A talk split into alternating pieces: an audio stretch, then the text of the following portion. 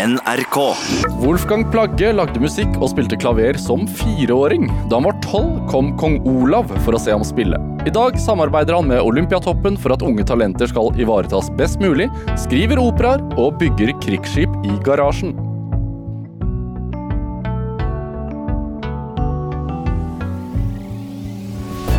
Dette er Drivkraft med Vegard Larsen i NRK P2.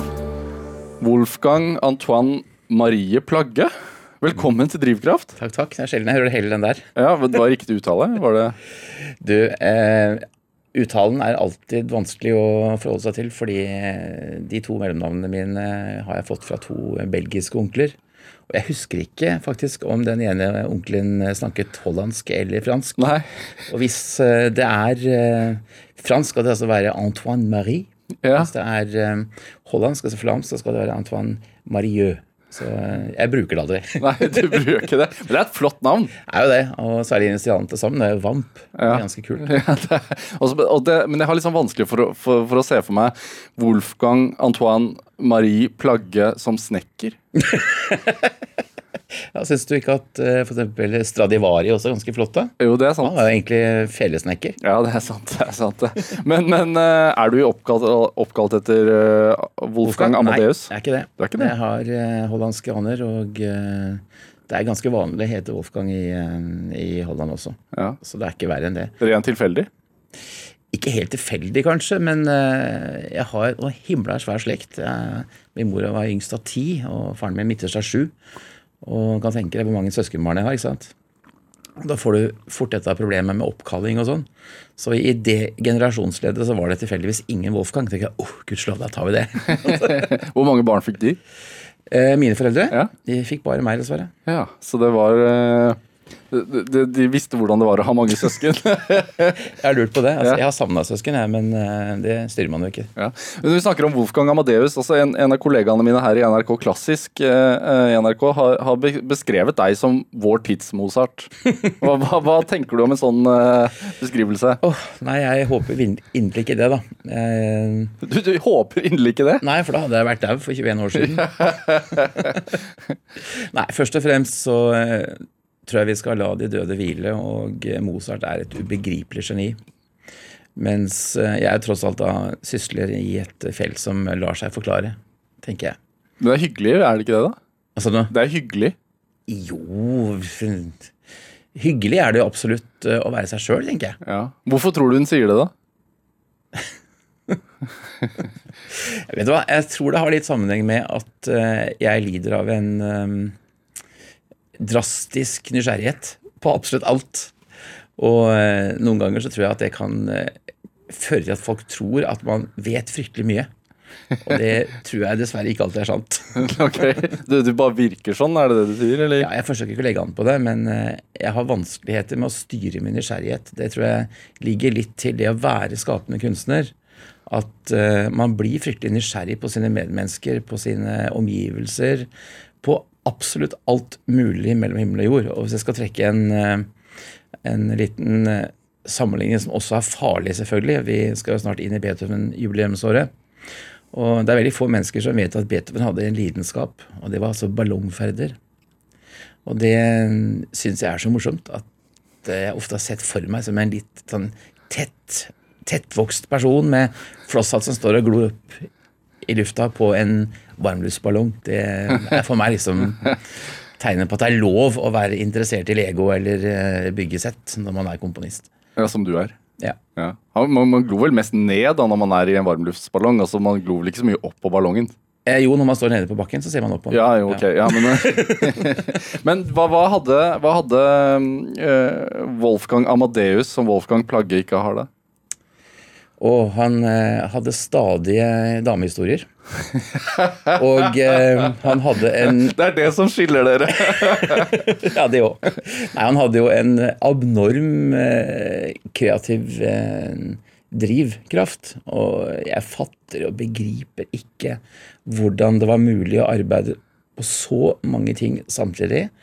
Og ha så mange ulike spor gående i hodet samtidig. og holde oversikten. Og så har han jo hatt en del sider som er på grensen til uhyggelige. F.eks.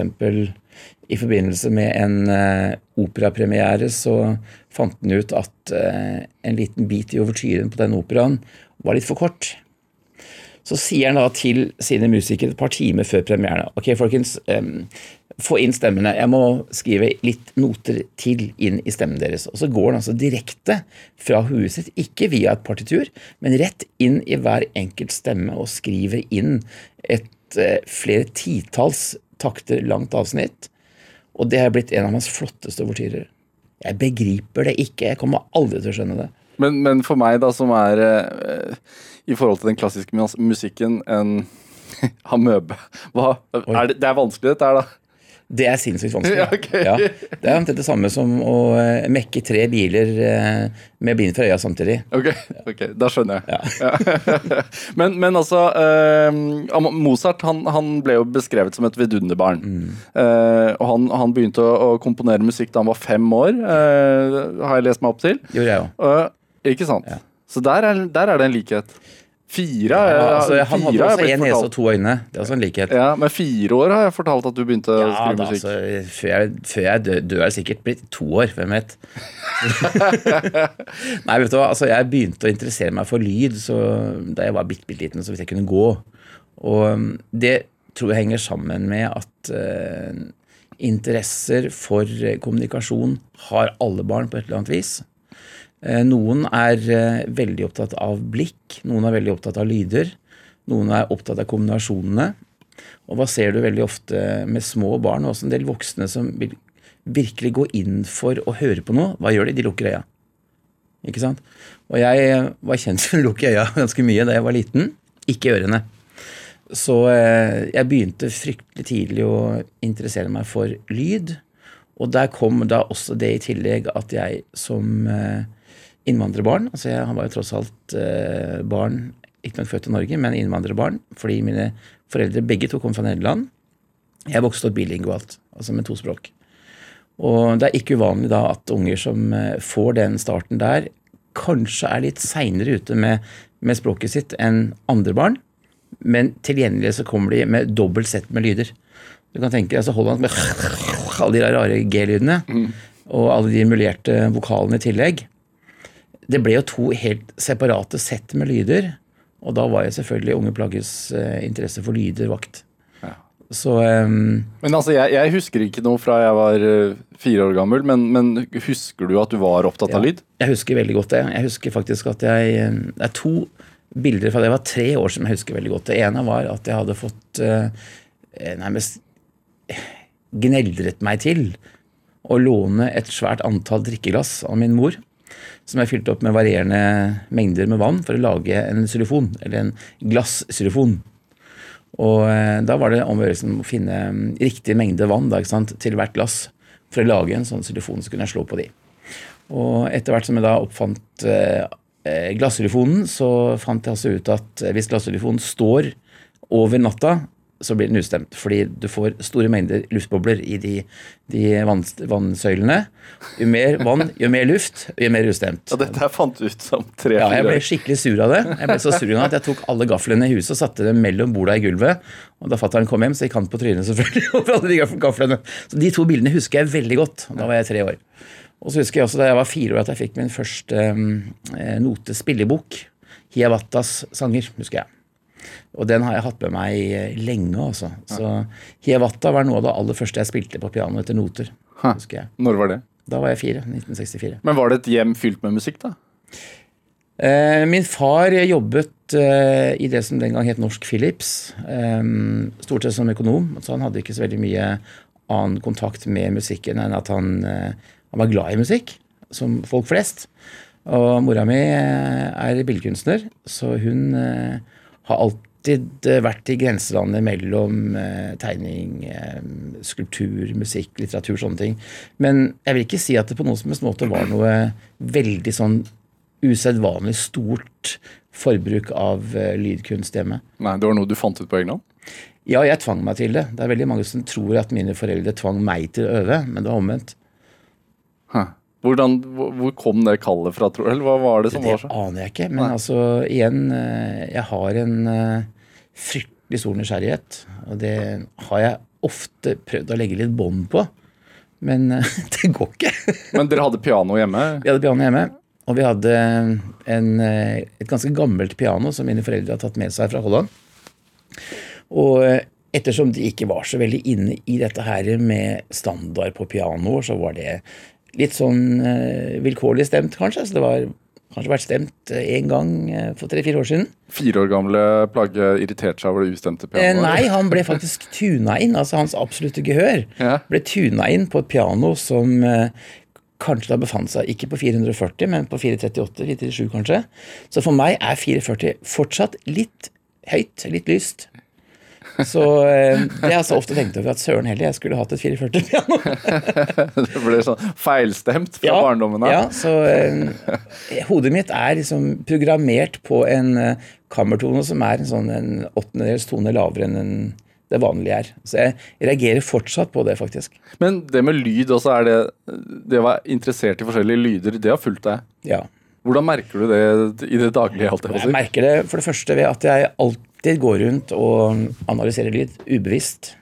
Jeg var en eh, gammel eh, eh, salgsperson i eh, Galigani-butikken i Oslo som fortalte meg for ganske få år siden, da var hun veldig gammel, at hun hadde fått sjokk da jeg som fire-femåring var kommet med mine foreldre inn i butikken, og de skulle kjøpe noe mer servise. Og da er det vanlig at uh, når man skal sjekke tallerkenen, så står man og slår på hver eneste tallerken. ikke sant? Og da var det en med sprekker, så oi, se, den var ustemt. Det hadde hun ikke glemt. Og videre så bare satte uh, satte jeg navn på alle, alle tallerkenene, altså tonehøydenavn, ikke sant? slik at å, A, C, D, F. Så hun uh, ble litt rystet over det, da. Og det var jo for meg helt naturlig. Jeg har alltid vært sånn at jeg sjekker lyder. Jeg kan kjenne igjen bilmerker, jeg kan kjenne igjen flytyper på lydene de lager. Oi. Og jeg aner ikke hvorfor huet mitt lagrer sånt, men det gjør det, altså.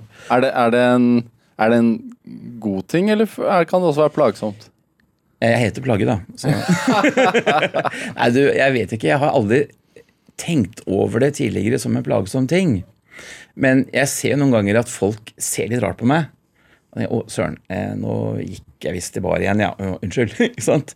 Så jeg opplever kanskje at um, Når ser de rart på deg? Ja, Nei, når ser de rart på deg? Det er stort sett når jeg for eksempel jeg begynner å helt automatisk si hvilken tone en lyd har, eksempel. Så hvilken eh, tonehøyde. Eller eh, Ja, så jeg har jo flere kolleger som også har absolutt gehør. Og vi kan da krangle om sånne finheter som egentlig ingen andre skjønner. ikke sant? Det er jo eh, litt sånn omstridt det om man blir født med absolutt gehør eller ei. Ja, altså Jeg har vel som ingen andre heller noe absolutt svar på det. Men jeg har en sterk mistanke om at vi fødes med det som skal til for å utvikle et absolutt gehør. Og at det da igjen er omstendighetene og um, forholdene rundt en som eh, bestemmer om den delen av det der utrolig fascinerende eh, systemet oppi hodet som bestemmer om vi kan definere forskjell på lyd, slår til som en sånn pitch-bestemmelsesegenskap. Fordi jeg mener, Blir vi født i Kina eller blir vi født på Grønland eller blir vi født i Oslo, så må vi lære oss helt forskjellige språk med helt ulike lyder. Og alle de lyd... eh, si, alle de verktøyene som skal til for å kunne lage lydene, blir vi jo født med. Men etter en stund ser jeg da for meg at eh, når da ett eh, hovedspråk har etablert seg, så kan alle de andre tingene ryddes litt unna. Og jo flere lydbilder man da får med seg fra den tiden, jo mer sannsynlig tenker jeg er det at, eh, at unger eh, utvikler noe som går i retning av et absolutt gehør. Men har du, har du hukommelse eh, i forhold til lyd også? Ja. Du, hører, du husker lyder? Jeg husker lyder, ja. Som noen andre husker lukter, så husker jeg lyder. Ja. Det gjør jeg veldig. Jeg kan huske lyder som forbindes med bestemte hendelser. Altså En bestemt lyd kan fremkalle minne om en bestemt hendelse, f.eks. Så, ja, det, du ser så rart på meg. Det, det, det er ikke noe skummelt. Nei, det er fascinerende. Det er veldig fascinerende. Men, men jeg tenker sånn, når du eh, velger selv da, å, å lære deg å spille piano, og spille piano som fireåring og har talent, altså talent for det, og blir man da automatisk en del av liksom en voksenverden? Nei, det tror jeg ikke. Altså, jeg tror Vel, altså igjen, Jeg kan bare snakke ut fra egen erfaring. Ja. Men eh, jeg tror ikke det er så sannsynlig, fordi når du lærer å snakke, så vil du ikke automatisk bli en del av en voksenverden når du er barn. Du vil bruke den typen språk, den typen forestillingsverden, som er naturlig for deg som barn å bruke. Og det tenker jeg skjer også når du eh, arbeider med lyder i, lyder i et litt bredere perspektiv. At eh, de lydene du forholder deg til, de eh, vil gjerne da bli assosiert med bestemte typer forestillingsverdenselementer som du har som barn. Og eh, jeg kan ikke se for meg at en person som eh, har absolutt gehør og viser det f.eks. i en alder av fem år, automatisk begynner å lese Freud, f.eks. Nei, det var ikke sånn jeg tenkte, Nei. men det er mer sånn uh, hvis, man, hvis man viser et stort fotballtalent, da, Mm. så som fem-seksåring så spiller man fremdeles på aldersbestemt lag. Ja. Men innenfor uh, i, i, i, pianoens verden Mm. så gjør man jo ikke det. Jo, altså, man gjør jo ideelt sett det. Ja. Og, og eh, bare en sånn ting f.eks. som at henda ikke er ferdig utvokst når du er liten, gjør jo at mye av den musikken du spiller, vil være tilpasset uh, håndstørrelsen din. Og eh, det at bena ikke rekker ned til gulvet, f.eks., det er et sånt bilde som fryktelig mange mennesker henger seg opp i. At du er så liten at eh, bena ikke rakk ned til pedalene. Nei, sa jeg. Da jeg var liten, så svevde jeg alltid 10 cm over bakken når jeg gikk. Men eh, altså, alt sånt nå er en del av ens naturlige forestillingsevne. Men du bruker eksempler fra idrett. Altså hvis eh, du snakker med guttunger som eh, spiller på Lukka, så er jo de idolene sine fra ManU, og de er liksom fra eh, og de det går, er fryktelig alvorlig, da. Det er fryktelig seriøst. Jeg så en gang en fantastisk morsom reklame for et bilmerke hvor eh, han gamle stjernedommeren eh, Pierluigi Colina Han stiger- italienske Ja, uten hår. Ja. Ja. Han stiger ut av en bil, og så ser vi først bare sånn typisk en spagettivest. Liksom, bare zoomet inn på føttene hans, og så etter hvert så zoomer de opp hele figuren. Han står der med det avstraffende blikket. Og på et blunk så står alle gutta på, på geledd, ikke sant? De er jo helt i samme modus som de har sett på TV at deres idoler eh, oppfører seg etter. Og sånn tenker jeg det er med folk som arbeider med sine lydidoler også, om det nå er eh, for den saks skyld eh, Michael Jackson eller eh, Johan Sebastian Bach. ikke sant? Hvem var ditt idol, da? Jeg hadde veldig veldig tidlig Bach-interesse. For det første fordi jeg oppfattet, tror jeg, veldig tidlig det lekne hos Bach. Hva, hvor tidlig snakker vi nå? Da snakker vi om fire-femårsalder. Så jeg var veldig ute etter det lekne i musikken. Og det merkelige er da at eh, navnebror Mozart han kommer mye seinere inn i mitt liv. Altså Jeg valgte bevisst å beskjeftige meg med barokkomponistene, for de skjønte jeg, trodde jeg. Jeg vet ikke om jeg gjorde det, men altså jeg trodde jeg skjønte dem.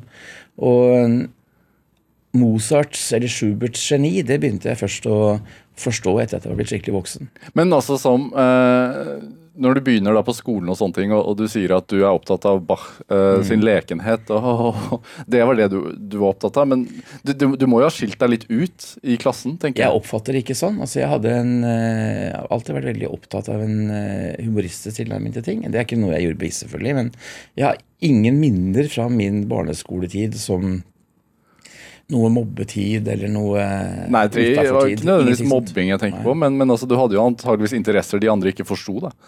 Ja, men eh, de ble med på det. Altså, jeg hadde sikkert også der ja, den her eh, irriterende evnen til å dra folk inn i min verden, da, men jeg vet ikke. Uansett så mm, opplever jeg egentlig fortsatt ofte at folk stiller spørsmål seg med sannhetskalten i det der. Men den kan jeg faktisk garantere. Det, jeg har ingen sånne følelse av utenforskap der, egentlig. Og jeg har snarere dratt med meg eh, unga inn i eh, øverrommet mitt og sånt. Men det var én ting, husker jeg, i barneskolen som var eh, litt spesielt, og det var når jeg da igjen begynte ubevisst å titulere lyder med notenavn. Da fikk jeg også ofte Wolfgang, slutt, da. Hæ? Ok, ja, Unnskyld, ja, så slutta jeg. Så, Ha, har du en favorittlyd? Jeg har veldig mange rare favorittlyder. Eh, Jeg vet ikke om du har noen gang tenkt på at hvis du koker deg vann til å lage deg te om morgenen, og du heller, teen, eh, heller vannet i koppen, så låter det kokende vannet helt annerledes enn eh, det kalde vannet. Aldri, Ikke sant? aldri Nemlig. Det er sånn at jeg kan bli like begeistra over hver morgen. Ja. Så eh, Heller du kokende vann, så er det en sånn eh, vannsøyle med damp rundt. Og det låter sånn låter det. Og den liker du? Den er fin, men hvis du heller kaldt vann, så er det, det er mye kaldere. Fordi du har ikke den der skjermen av lyddempende damp rundt vannstrålen. Det låter helt forskjellig. Ja. Hender, hender det at du heller ut det kokende vannet bare for å helle på mer? Nei, men det hender at jeg faktisk hører at søren, jeg glemte å koke vannet. På måten jeg Å, søren, det låter, det låter, det låter kaldt vann. Ah, søren, det, og jeg glemte å koke. Dette er Drivkraft med Vegard Larsen i NRK P2. Og i dag så har vi komponist og pianist Wolfgang Plagge her hos meg. Eh, altså, du, du, vi snakker om det at du veldig ung viste interesse for klassisk musikk og spille piano. Eh, og du, du skulle debutere i universitetets aula Ja. eh, i Oslo. Eh, det er en ganske ærverdig scene å spille på. Eh, Som tolvåring. Ja.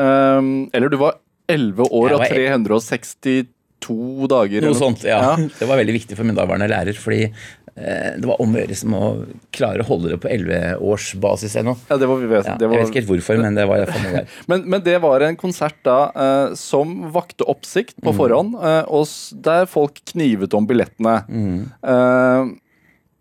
Til og med så mye at du fikk telefoner, har jeg forstått, eh, og, og ja, nektet, nektet folk adgang. Hva, hva, hva, hva var det som skjedde? Må du få meg til å redde meg på radio, altså? Nei, det var slik at jeg hadde ganske lenge allerede kjent eh, den nåværende dronningen vår, altså Sonja, veldig godt, også fra den tiden. Hun var kronprinsesse. Og etter en eh, du, du kjente dronningen Ja, fra flere andre sammenhenger. Altså, jeg hadde Ja. spilt hvor hun hadde vært eh, høybeskytter og sånn. ikke sant? Og, ja. jeg var som sagt veldig liten veldig lenge, og det Det gikk et, det gikk et rykte om deg, da, at det var en ung, veldig Ja. ung mann som var ekstremt flink til å spille piano. Og så var jeg jo da også en del eksponert på nasjonal TV, som den gangen var et enkanalsprosjekt. Og da ville jo alle se det, ikke sant. Så jeg fikk jo en eh, sånn rakettstart på en eh, barnestjernekarriere. Nettopp fordi NRK bare hadde én kanal. Men uh, uansett, eh, jeg kjente, følte jeg, Sonja ganske godt fra før. Og etter en uh, annen jobb, jeg tror det faktisk var i en uh, programpost med Hågen Ringnes i sin tid, i TV, så sier Sonja at vet du hva, jeg hører at du skal debutere. Da kommer jeg. Nei, så koselig. Jeg syns jeg var kjempestilig. Så jeg skal komme. Og Kronprinsessen ringer og sier hun skal komme. Ja, det er Nei, hun ringte ikke. Vi bare snakket sammen eh, under fire øyne. Men uh, så kommer det, skjønner du. Fordi en ukes tid før denne debutkonserten da, i august 1972, så sitter jeg hjemme og øver. Faren min er ute av huset, og så ringer telefonen. Og jeg tar telefonen, og Hei, er det Wolfgang? Ja. Du, det er kongen. Uh, ja, hei, sier jeg. Du, jeg hører av Sonja at hun skal komme på, på konserten din. Ja, stemmer det, sier jeg. Jeg kommer, jeg òg. Så sier jeg sorry, utsolgt, sier jeg. Og legger på. Og den har jeg altså fått høre så mange ganger siden. Hver gang, og det var ganske ofte i en periode jeg traff kong Olav, så var det 'Å, du, er det utsolgt, eller?' Er det utsolgt, eller? Nei, sier jeg, det er ikke utsolgt. Sukk. Er det, er det sånn, Ringte kong Olav deg, og så når han, når han presenterer seg selv, så sier han 'hei, det er kongen'? ja. Ja. Jeg har til og med fått en eh, del postvann som man har signert selv. Ja. Og det er jo, har jeg forstått, ganske uvanlig. At uh, kong Olav i sin tid uh, underskrev uh, sine postsendinger med Olav den femte. Det var nesten alltid enten en adjutant eller noen andre som gjorde det. Så jeg følte at vi hadde et eh, Vi hadde noe spesielt, kongen og jeg. Du vet, det, det er sånne ting som uh, i nåtid, mens man fremdeles er i live, er sånn ganske gøy. Det er en kuriositet, det er liksom noe man kan være stolt av. Men om 100 år, når uh, den tids Lahlum skriver biografien din, så, så kommer det til å få stor vekt. Det kan godt hende. Eh, Det plager for så vidt ikke meg, men eh, da. Men eh, jeg eh, tenker det sier veldig, no, veldig mye om eh, eh, direktheten i kongehuset vårt. Og det sier også ganske mye om eh, det at det går an å oppføre seg som et barn også overfor en konge. Ja. Men han kom. Han kom, vet du. Og eh, jeg fortsatte å gjøre skandaler på den konserten der. Fordi um, hvis det er noe man ikke gjør i nærværet av de kongelige, så er det bare å ta av seg klærne. Og jeg syntes at første del av konserten var varm. Så jeg tasser inn etter pause bare i skjorta, og min mor holdt på å få anfall. Og min, kong, min, min konge på den, altså kongen, tror jeg ble bare enda bredere i, i smilet. Og eh, etter konserten så ble det tatt en hel rekke med bilder av meg um, uten dressjakke, med kongen. Men den natta, altså natta etter debutkonserten min, så fantes det et forferdelig mord. Eh, jeg tror det var oppe på Ekebergsletta med en drosjesjåfør som ble, ble, drept av en uh, kunde. Og da våknet vi neste morgen til en gigantisk forside med VG hvor det sto 'mord', og så bilder av meg med uten jakke, da Wolfgang kastet jakka. Nei. Jo. Den forsida har jeg fortsatt. Som meg. Ja. det, var jo, det gikk jo fra en veldig fin ting til en tragedie, egentlig, dette her. Men, men du, vi, vi, har litt lyd, faktisk, eh, fra det du sa til NRK Radio i 1972. Oi. Etter konserten. Wow. Eh, som, som, du skal få høre nå. Jo, jeg må si jeg var helt inni inne i det, altså. For det er virkelig synd hvis man, hvis man bare skal spille for en f.eks. halvfull aula. Når man har full aula, så er man virkelig inni det, og man har kontakt med publikum. Er du fornøyd selv med prestasjonene dine i debutkonserten? Nei, det pleier jeg aldri å være. Hvordan reagerte publikum på eget, din egen komposisjon? Jeg tror ikke jeg skal svare på Hva driver Wolfgang Plagge med når han ikke sitter ved klaveret? Ja, enten leser jeg, eller jeg bygger limsett, eller jeg eh, Sitter og bygger med Lego. Ja, du hørte Wolfgang Plagge som ble intervjuet av NRK i, i 1972. 11 eh, år gammel, eller 11 år og 363 dager gammel. ja, viktig det der. hva, er, hva, driver Wolfgang Plagge med den dag i dag, når han ikke lager klassisk den gang så bygde du Lego, eller leste du? Ja da, altså jeg leser fortsatt mye. Jeg driver fortsatt og bygger en god del. Eh, nå har jeg fått tre barn, så det har fått enda flere eh, påskudd til å bygge ting. Ja. Eh, og eh, i hvert fall to av de ungene er veldig glad i å bygge, de også. Eh, Lego er det fortsatt en del av. Det er også andre materialer. Jeg bygger gjerne en del skalamodeller av saker og ting. Og ellers så har jeg også en lang periode drevet veldig mye med treskjæring. Okay. Til min omgivelse store skrekk. Ja, men du kan da ikke håndtere kniver? Og da pleier jeg å si at ja, men kjære, spiser du bare med fingrene og spiser middag? Så det, det er igjen spørsmål hvor mye du vil eh, Dreier du, da? Eller? Jeg har også dreid, ja, men først og fremst har jeg skåret altså med, med treskjærjern. Ja, men er du, har du tenkt på at det kanskje ikke er det at de er redd for at du skal bruke knivene, men kanskje det at de skal få det julegaver og sånn, som er, eh, er, frykten her. Vet du hva, Det har jeg ikke tenkt på, men eh, det skal jeg begynne å tenke på nå. Ja. Takk for den. men hva er det du får ut av å bygge sånne? For jeg forstår det sånn at du har sånne svære sett ute i garasjen. Ja, altså eh, Jeg bygger for så vidt ikke så veldig mye byggesett lenger. Det var jeg var tolv år, det. Altså, nå er det stort sett ting som må bygges opp fra scratch. Og da kan det jo være ganske illeluktende materialer en del ting som er basert på polyester, glassvier, sånne ting. Som, som du, altså, du lager det helt selv? Jeg må lage former som, eh, som jeg da kler med glassfiber. Finner, hvordan finner du skisse? Altså, hvordan går du det, frem da? Hva er det du har i garasjen nå? Vært, nei, det er en periode det har vært veldig mye skipsmodeller eh, i forbindelse med utstillinger. Ja. Og da måtte jeg jo veldig ofte grave dypt i eh, researchen for å finne originaltegninger til de skipene som skulle bygges. da. Og så lager du miniatyrer? Ja, og de var ikke så små heller. Jeg husker Det var særlig en uh, jobb hvor jeg skulle bygge opp uh, ganske store deler av det uh, nå filmaktuelle Midway-slaget for et museum. Og da var det snakk om å forsøke å få tak i originaltegninger på alle disse svære skipene. Det var en av historiens første hangarskipslag, husker jeg. I 1942, det her. Og um, da var det om å gjøre å prøve å få tak i tegninger fra de respektive amerikanske og japanske verftene. Og det var litt av en jobb, fordi noen av de amerikanske skipene var faktisk fortsatt den gangen classified. Ja. Men kjære, altså det, båten er gått ned for 70 år siden, ikke sant? Nei, det var ikke noe å gjøre med. Så uh, fikk jeg kontakt med noen japanere ved Kureverftet i Japan. Og de hosta opp alt de hadde av japanske tegninger. Og så spurte jeg seg hva er det, hva er det skal med de tegningene. Har det noe med Midway å gjøre? Ja da, sier han. Det har med Midway å gjøre. Hm.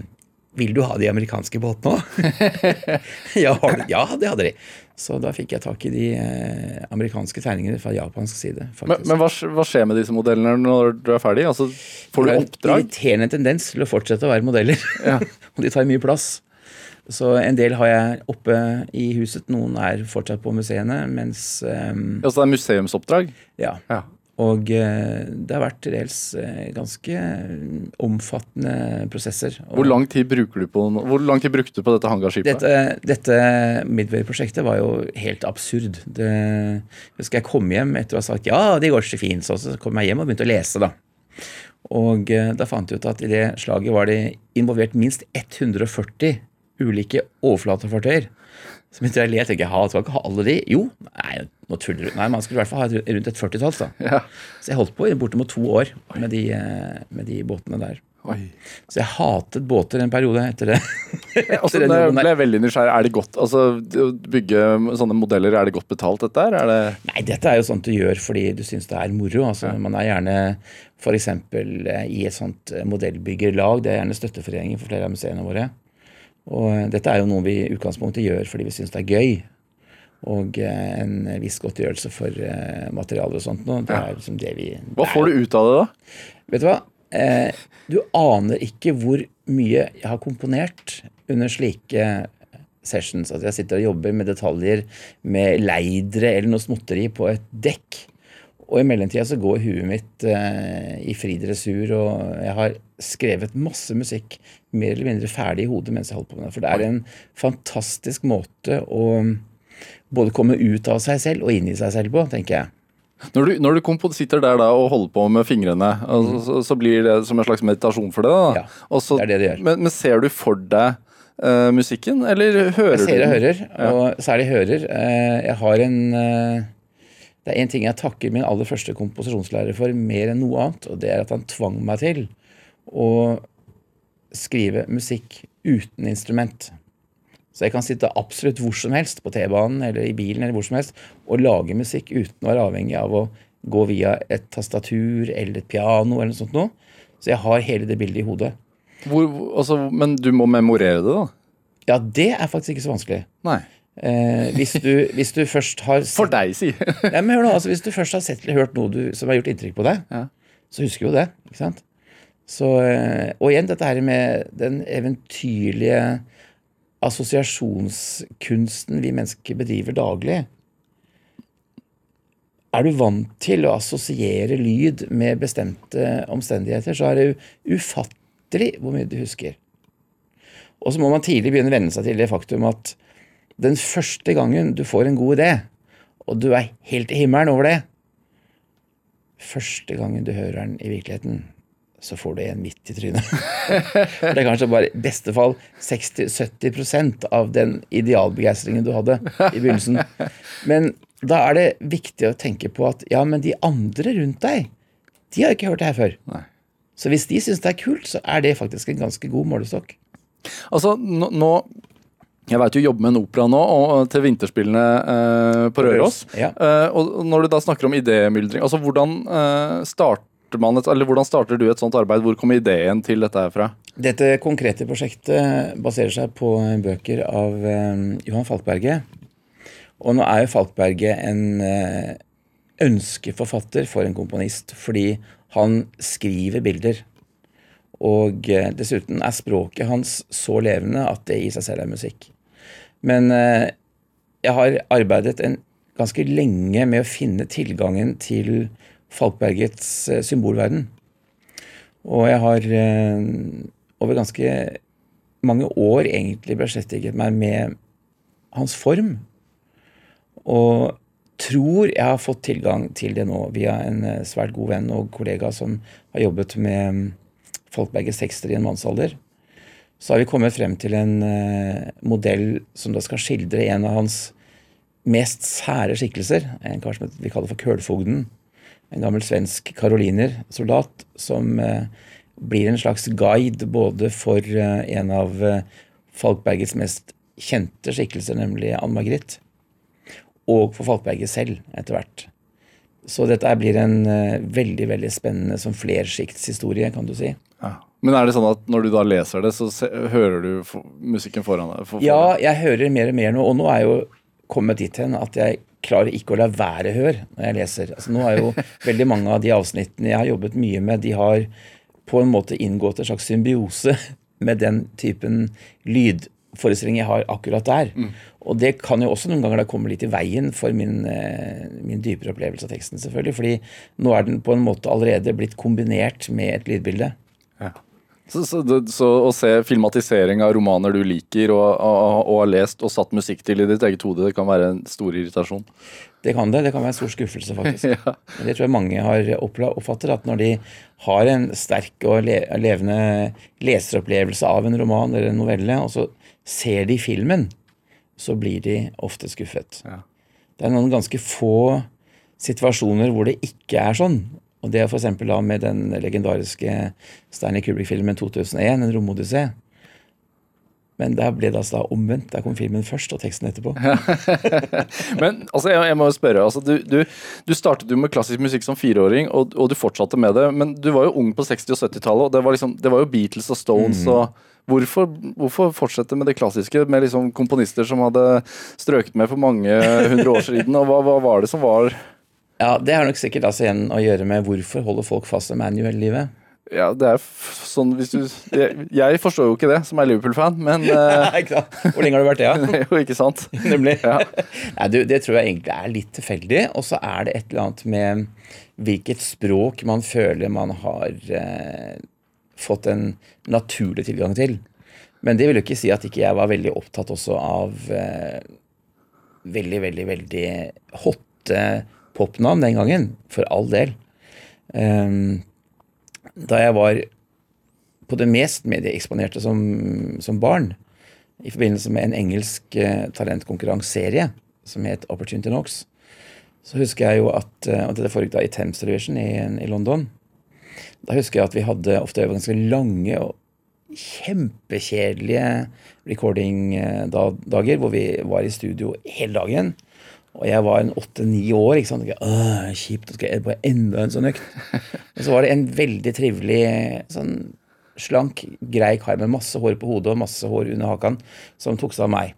Han var kjempegrei. Han kjøpte lekebil til meg, og vi satt i de lange gangene bak studio og kjørte med de bilene. og Han leste for meg, og han introduserte meg for The Cat in the Hat, husker jeg mye annet sånt rart.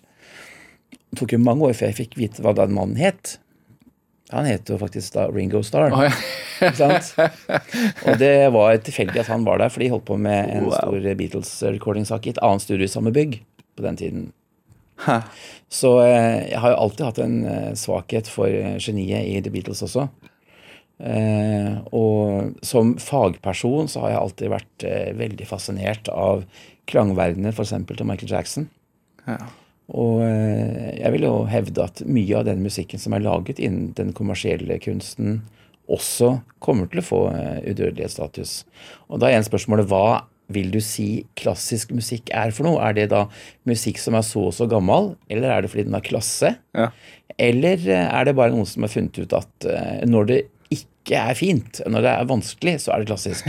ja, Hva vil du si? Hva vil du svare? Jeg vil selvfølgelig si at klassisk musikk først og fremst er musikk som har høy klasse. Um, ikke dermed å forstå, eh, sånn å forstå at annen musikk som kanskje oppleves som kommersiell, ikke også kan være musikk med høy klasse. Eh, morsomt. Må man da igjen trekker den lille analogien til eh, idrettsverdenen. Um, ser du en fenomenal fotballkamp, så går du hjem med følelsen av at den er en klassiker. Betyr det at den ble spilt i 1750? ikke sant? Så hvordan bruker du begrepet klassiker der? Ja. Eh, så eh, jeg tror det igjen er langt på vei hva man er vant til at noe skal kalles eller handle om. Ja. Veldig fascinert av omgangskretsen din som barn. da. Kong Olav og Ringo Starr. ja, de var stjerner på mange måter. Tre, tre stjerner. Du også var jo det. Oi, takk. Dette er Drivkraft med Vegard Larsen i NRK P2. Og I dag har vi komponist og pianist Wolfgang Plagge her hos meg, og vi har snakket om at han drev og hang med Ringo Starr og kong Olav eh, i oppveksten. Eh, altså Når vi først snakker om uh, idrettsprestasjoner, da, eller sammenligninger med fotball, som vi har holdt oss i, jeg liker det. Ja, det uh, Eh, og Som fotballspiller så er man jo gjerne på topp når man er i midten av 20-åra. Mm. Når, når er man på topp som pianist? Hele livet. Hele livet. Nei, du, det er nok um, veldig forskjellig, det også. 59-åring, er det det? Da er man helt på toppen. Ja. Ja, Nei, altså, jeg tror ikke det er noen grenser for det, egentlig. Eh, fysikken setter naturligvis en visse eh, rammebetingelser. Men eh, jeg har jo opplevd eh, fantastiske konserter med mennesker som har vært i 80-årene, 90-årene. Eh, en av de sterkeste opplevelsene jeg hadde, var med Oscar Peterson i Oslo konserthus. Etter at han som meget godt voksen mann hadde fått slag. Og dæsken som han spilte, altså. Det er helt fenomenalt. Men det er klart, er du ung og du er innom prestasjonsidrett, så må du også adlyde kroppens eh, signaler, og du må spille på lag med kroppen din. Hadde en interessant diskusjon med representanter for eh, Olympiatoppen, som jo både satte fokus på likheter og forskjeller mellom typisk utøvende kunstfag og utøvende idrettsfag. Eh, har du å gjøre med en elite skihopper f.eks., som er helt topptrent og skadefri en hel sesong, og stiller på alle World Cup-rennene f.eks., så er han kanskje vært i lufta til sammen i 3,5 minutt i løpet av en hel sesong. Og vi eh, er på scenen med tilsvarende skal si helsekriterier, så er vi på scenen kanskje 40-50 timer i løpet av en sesong. Så det er klart at det har helt andre parametere. Eh, Men om da opplevelsen for publikum er større eller mindre, gitt den tida folk er i lufta eller på scenen, så det er en helt annen historie. Hvordan vil du bedømme det? Hva er ditt utgangspunkt? Hva er du opptatt av? Men, men, men det lønner seg å øve mest mulig og spille mest mulig. Det gjør det jo. Altså, det er ikke slik at jeg sitter nå så og så mange minutter og timer og sekunder hver dag og sier at nå har jeg fylt opp kvoten min. Fordi eh, en dag kan jeg kanskje sitte ved klaveret i timevis, en annen dag kanskje ikke i det hele tatt. Men hele min, skal si, hele min våkne tilstand vil på en eller annen måte dreie seg om musikk. Enten at jeg komponerer, at jeg underviser, at jeg øver selv, at jeg skriver om musikk, at jeg prater med noen om musikk. ikke sant? Um, men det er ikke slik å forstå at det på en måte er blitt en sånn uh, plikt. At jeg skal holde musikkelementet i hodet mitt så og så lenge i løpet av en dag. Nei. Jeg, bare tenker vel også, fordi på, på, jeg vet at på starten av 80-tallet, da du var i starten av 20-åra, så, så, og egentlig også, så vidt jeg forstår det, ganske sånn på vei ut i verden som pianist, så, så ble du alvorlig syk. Ja. Uh, og så tenker du altså, Kunne du vært en, i en, enda større grad en anerkjent pianist hvis du ikke hadde blitt syk, tror du? Helt klart. Ja. Eh, Da må jeg jo si at denne sykdommen det var en eh, ganske aggressiv form for såkalt Bechdrevs sykdom. Det er en leddsykdom og en revmatisk sykdom som eh, slo til ganske akutt. Eh, Faktisk en eh, junidag i 1984 så skulle jeg følge mine foreldre på deres bryllupsdag på en middag, og kom hjem i drosje uten, uten av stand til å bevege meg, faktisk. Oi. Det gikk i løpet av timer. Oi, i alle dager. Og, det var en Hva- ganske det må høres ut som en mareritt. det var et mareritt. Og også fordi diagnosen kan være ganske vanskelig å stille. Tok det lang tid egentlig før jeg fikk vite hva som var gærent med meg. ikke sant? Um, og så begynte da en møysommelig prosess med å forsøke å akseptere, eh, behandle og komme seg videre. Det er en eh, langdryg og ganske utfordrende prosess. Hva skjer med kroppen?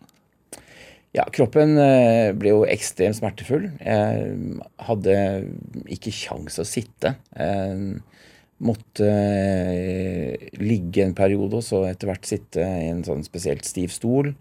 Jeg hadde ingen eh, kontroll over eh, kroppen fra livet og ned i løpet av de neste eh, halvannet året. Og kan jo bare takke et fenomenalt team av fysioterapeuter og leger for at jeg kom meg på bena igjen. Men sykdommen er da veldig aktiv i kroppen ennå en 10-15 år før den brenner ut.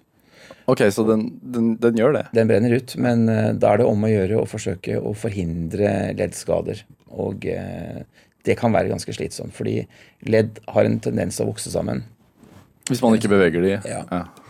Men også ellers, altså det skal mye til at du klarer å holde alle leddene eh, i bevegelse, fordi det kan være veldig smertefullt. Så, men for å gjøre en kjempelang historie mye, mye kortere, så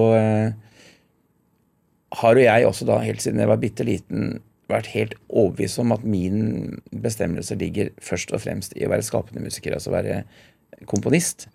Um, arbeide med det å, å lage musikk. Mer kanskje enn å gjengi musikk som utøver. Hvorfor er det mer givende for deg? Jo, altså Tilbake i den tiden hvor jeg satt og spilte på Hiawatha da, som fireåring, så husker jeg veldig godt at uh, jeg veldig tidlig begynte å ergre meg over hvorfor ikke Hiawatha-sangen var lenger. Så jeg begynte å dikte ting til den, ikke sant. Og uh, hele min oppvekst så har jeg jo ofte måttet arrestere meg sjøl i at uh, nå begynte fantasien bare å skli langt unna. og jeg satt og spilte på noe helt annet enn leksa, ikke sant. Uh, og det tok en stund før jeg forsto at det ikke handlet om manglende disiplin, men rett og slett om en litt for livlig fantasi. Og jeg hadde heldigvis da også lærere som eh, gjorde det mulig for meg å forstå at dette ikke var negativt, men positivt. Så helt fra jeg var en 10-11 år, så hadde jeg mennesker rundt meg som heller eh, stimulerte det enn å forsøke å bekjempe det. Og opp gjennom eh, tenårene så var jeg fryktelig aktiv som komponist. Jeg skrev masse musikk selvfølgelig veldig preget av hva jeg var opptatt av. Så om jeg ser det nå, så er det ganske morsomt å se tilbake på. fordi jeg kjenner jo igjen alle de stykkene jeg øvde på i de musikkstykkene jeg selv skrev. ikke sant? Inspirerte, ja. ja. Veldig mer enn bare inspirert. Altså, det noen, ganger, noen ganger må det ha ligget i grenselandet mellom eh, plagiat og plagge. Det, men uansett, eh, det var en start. Sånn må det, sånn må det begynne. Men eh, ettersom jeg også var veldig aktiv som utøver, så var det jo det folk rundt meg bet mest merke i, for da hadde man jo en direkte eh, sammenligningsmulighet. Så jeg ble mer og mer stimulert, og jeg syntes det var gøy òg å spille masse konserter. Og eh, sånn, da jeg var 22-23 år, så var karrieren i ferd med å bli typisk internasjonal. Altså jeg reiste masse og følte vel sånn en gang iblant et stikk av at søren, jeg skulle hatt ønsker jeg hadde tid til å skrive ned den tanken der.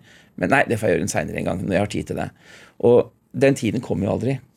Men så fikk jeg altså denne her eh, smellen med mm, Bechterew-anfallet og etter hvert sykdommen. Og da hadde jeg, etter at jeg begynte å komme til hektene sånn rent mentalt Hvor lang tid tok det? Det tok flere måneder. Og jeg var jo helt ferdig med, med livet mitt på et vis. Altså, det var jo ja.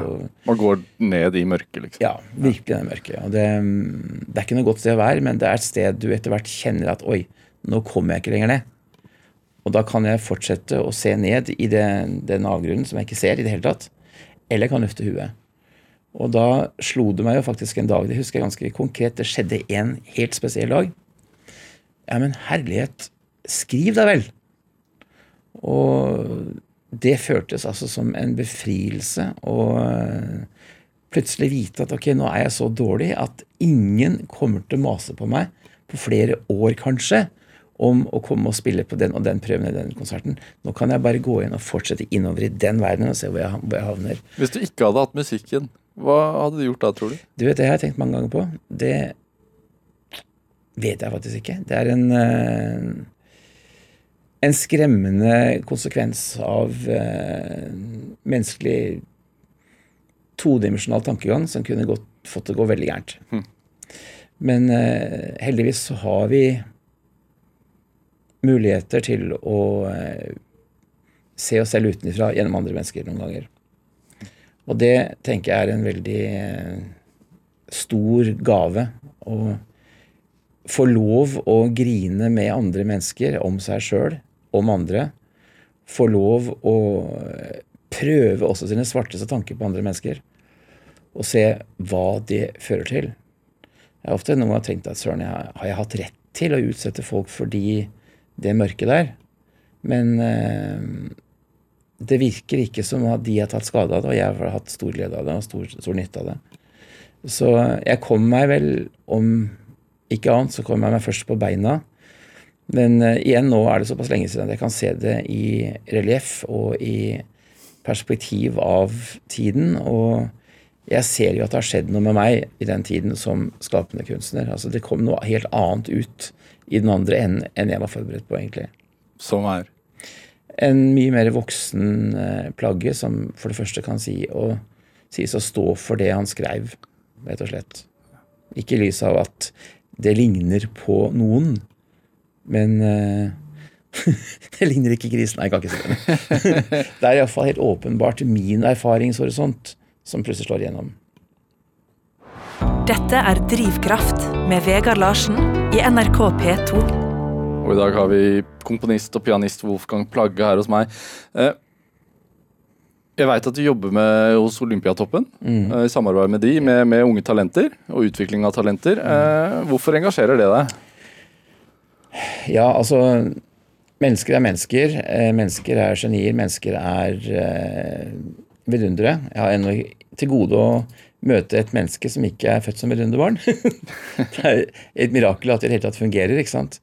Eh, og så er det kjempespennende å, å leke med randfenomener. Altså se hvor langt man kan lirke en nysgjerrighet, en interesse, en egenskap ut mot en eller annen yttergrense.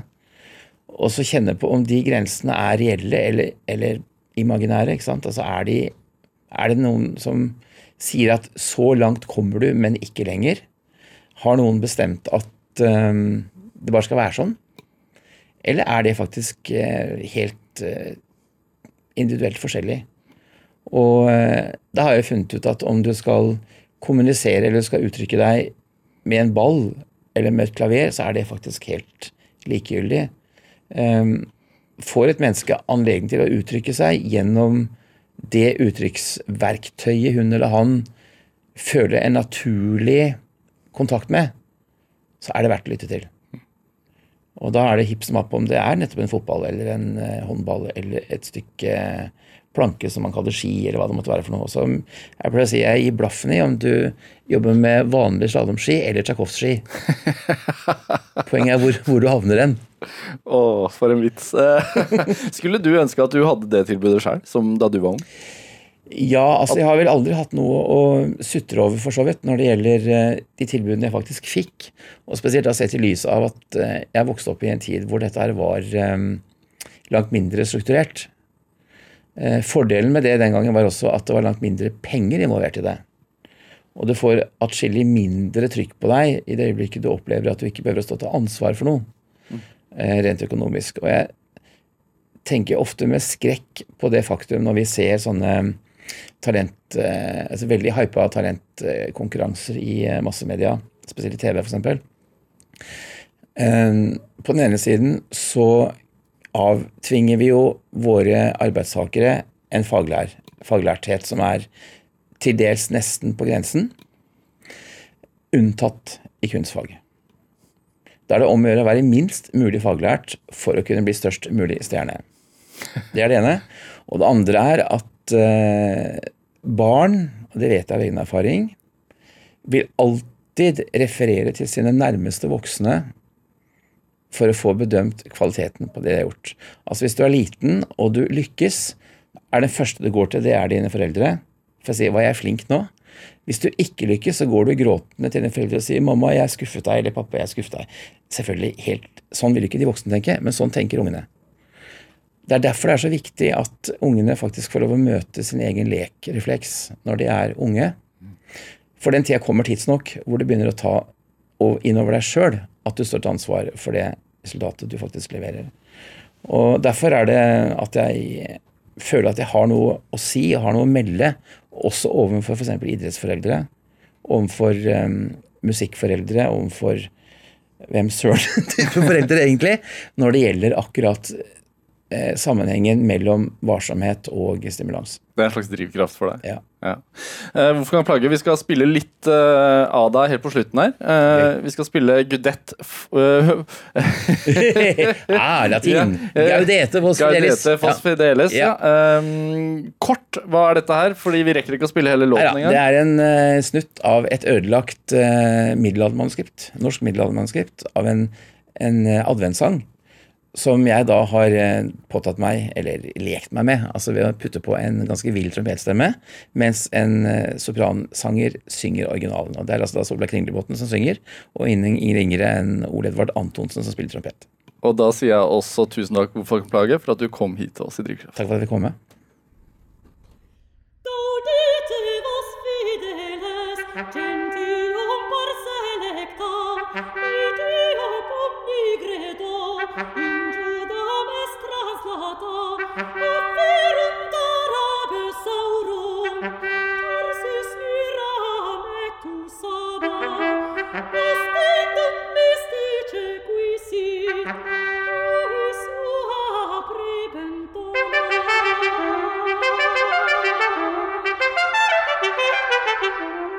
thank you.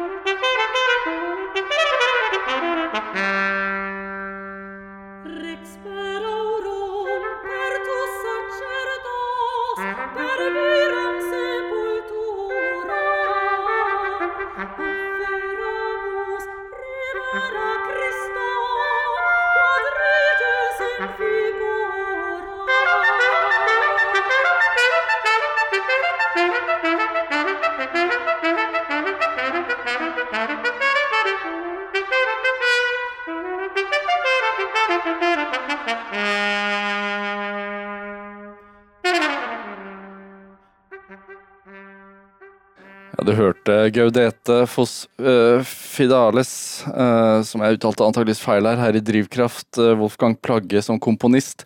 Du kan høre flere samtaler i Drivkraft i NRK radio på nett og app. Send gjerne gjesteforslag eller tilbakemelding på programmet. En e-post til drivkraftalfakrøll Jeg er Vegard Larsen, og dette var Drivkraft.